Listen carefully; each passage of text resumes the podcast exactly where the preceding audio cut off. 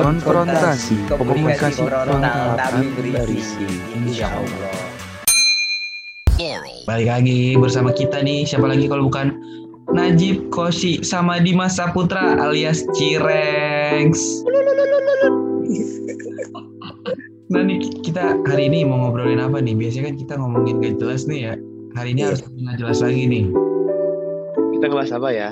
Kayaknya sih lagi masa pandemi ya. Eh bosan juga sih ngomongin masa pandemi. Tapi ya masih masih masih, masih pandemi kan mau gimana lagi gitu. Nah ngomong-ngomong terkait pandemi yang tentunya menguras banget tenaga dan energi ya kan.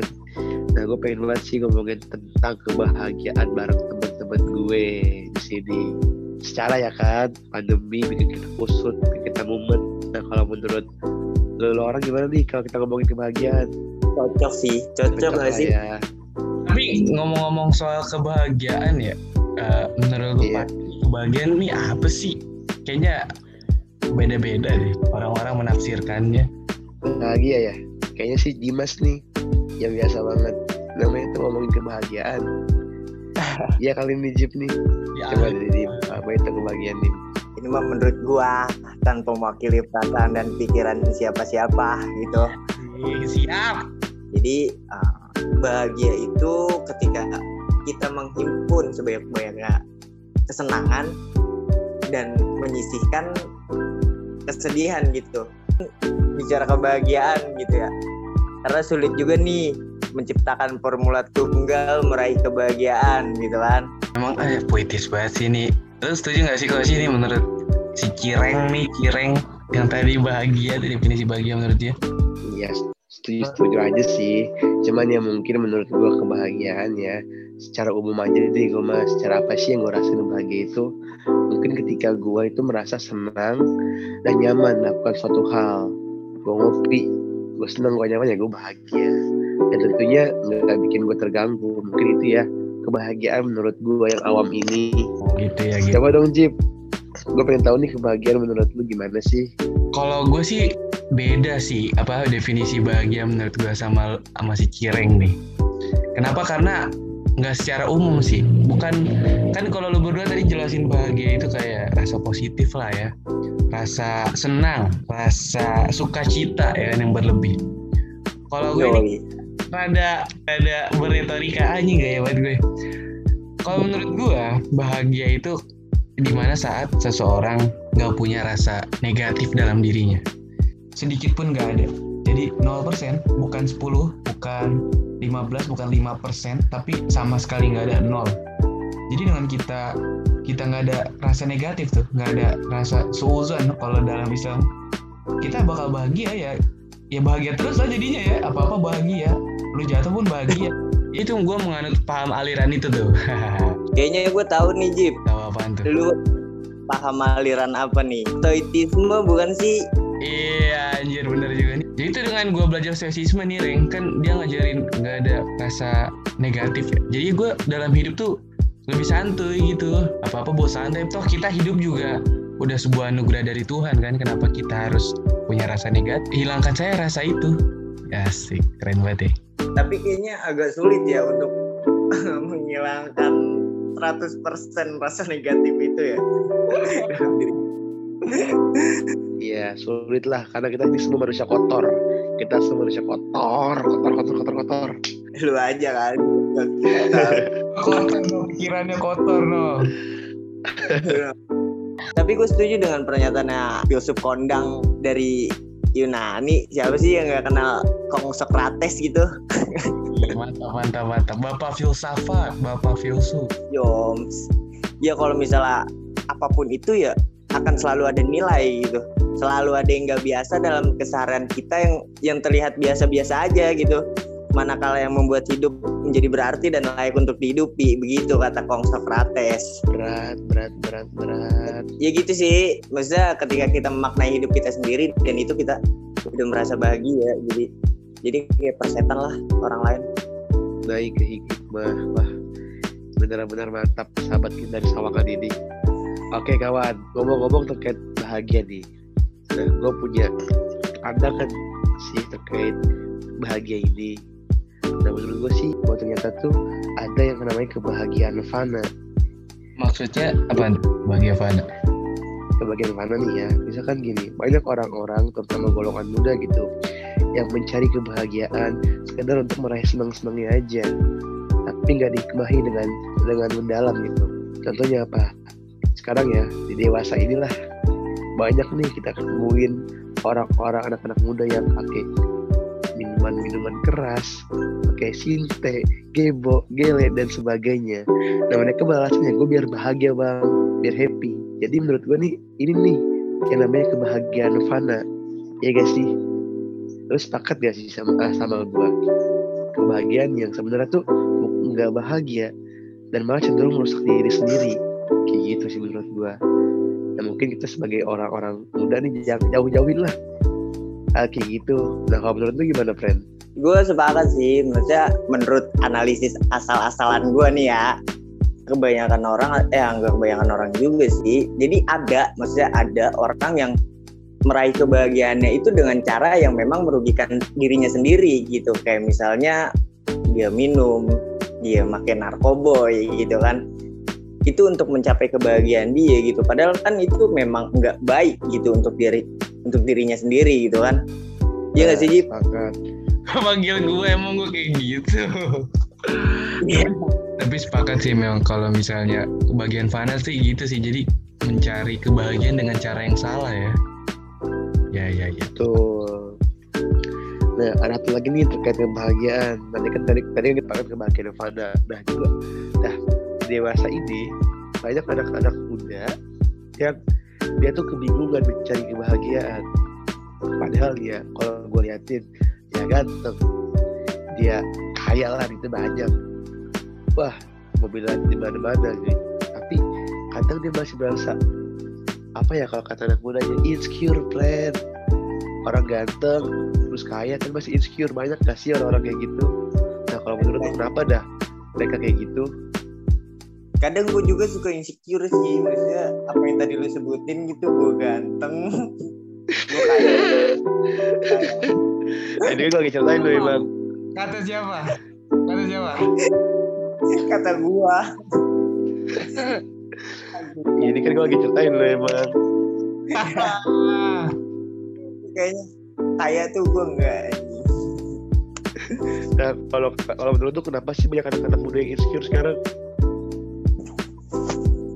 karena ya kalau menurut gue ya karena ada itu yang namanya ini mah sotoy-sotoyan aja. Ada itu yang namanya perasaan inferior.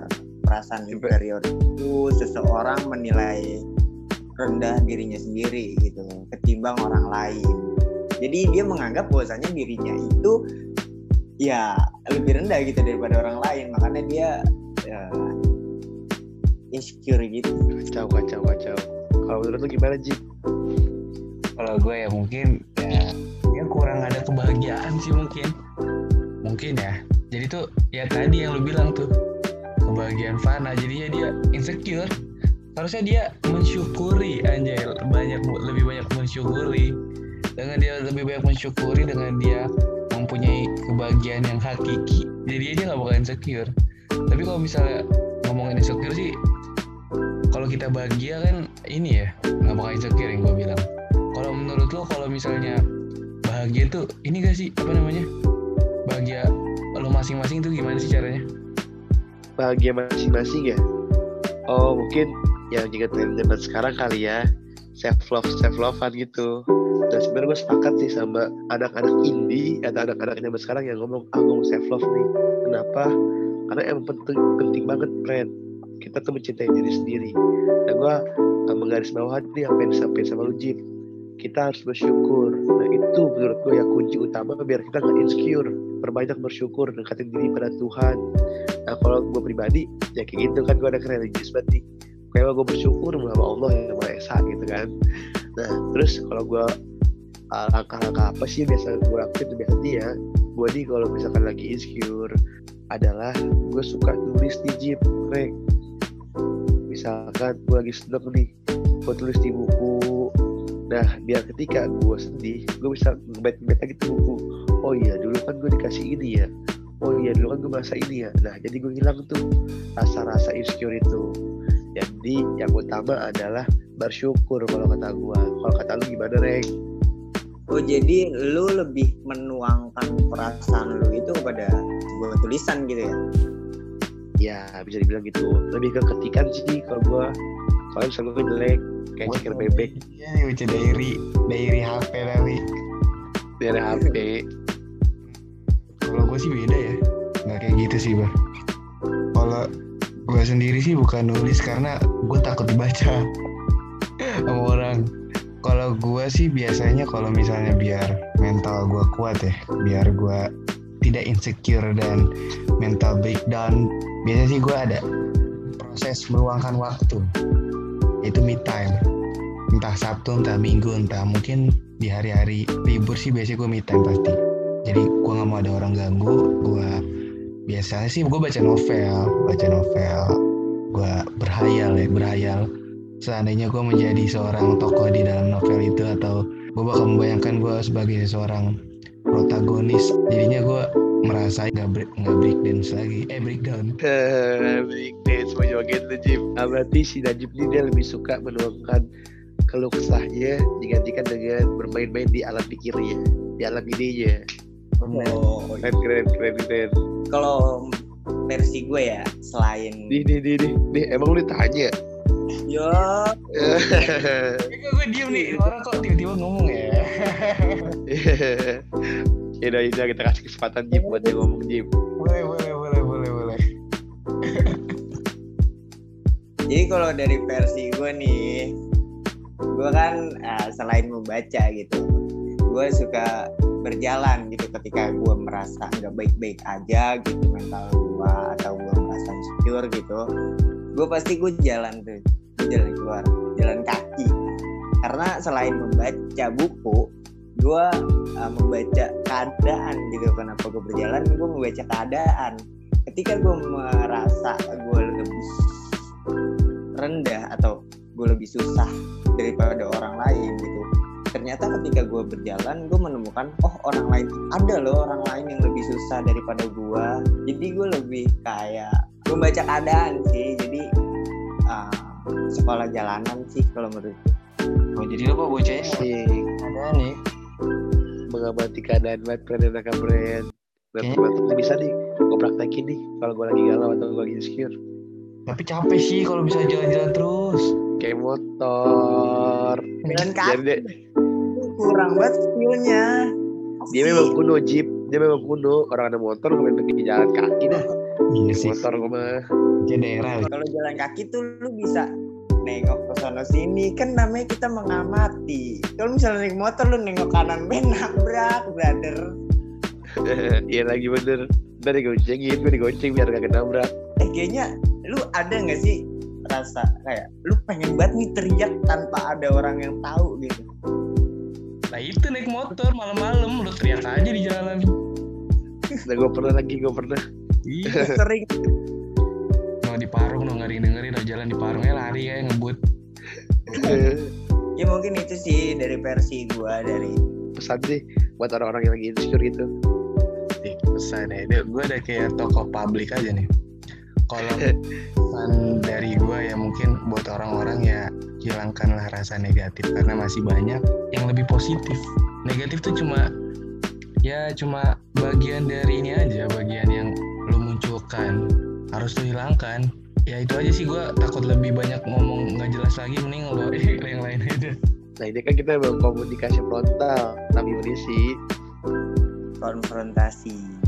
Konfrontasi. Kalau gimana nih katakan nih Pesan-pesan buat rekan-rekan kita yang lagi insecure Atau yang lagi break dance atau breakdown untuk generasi insecure sudahi insecure mari bersyukur.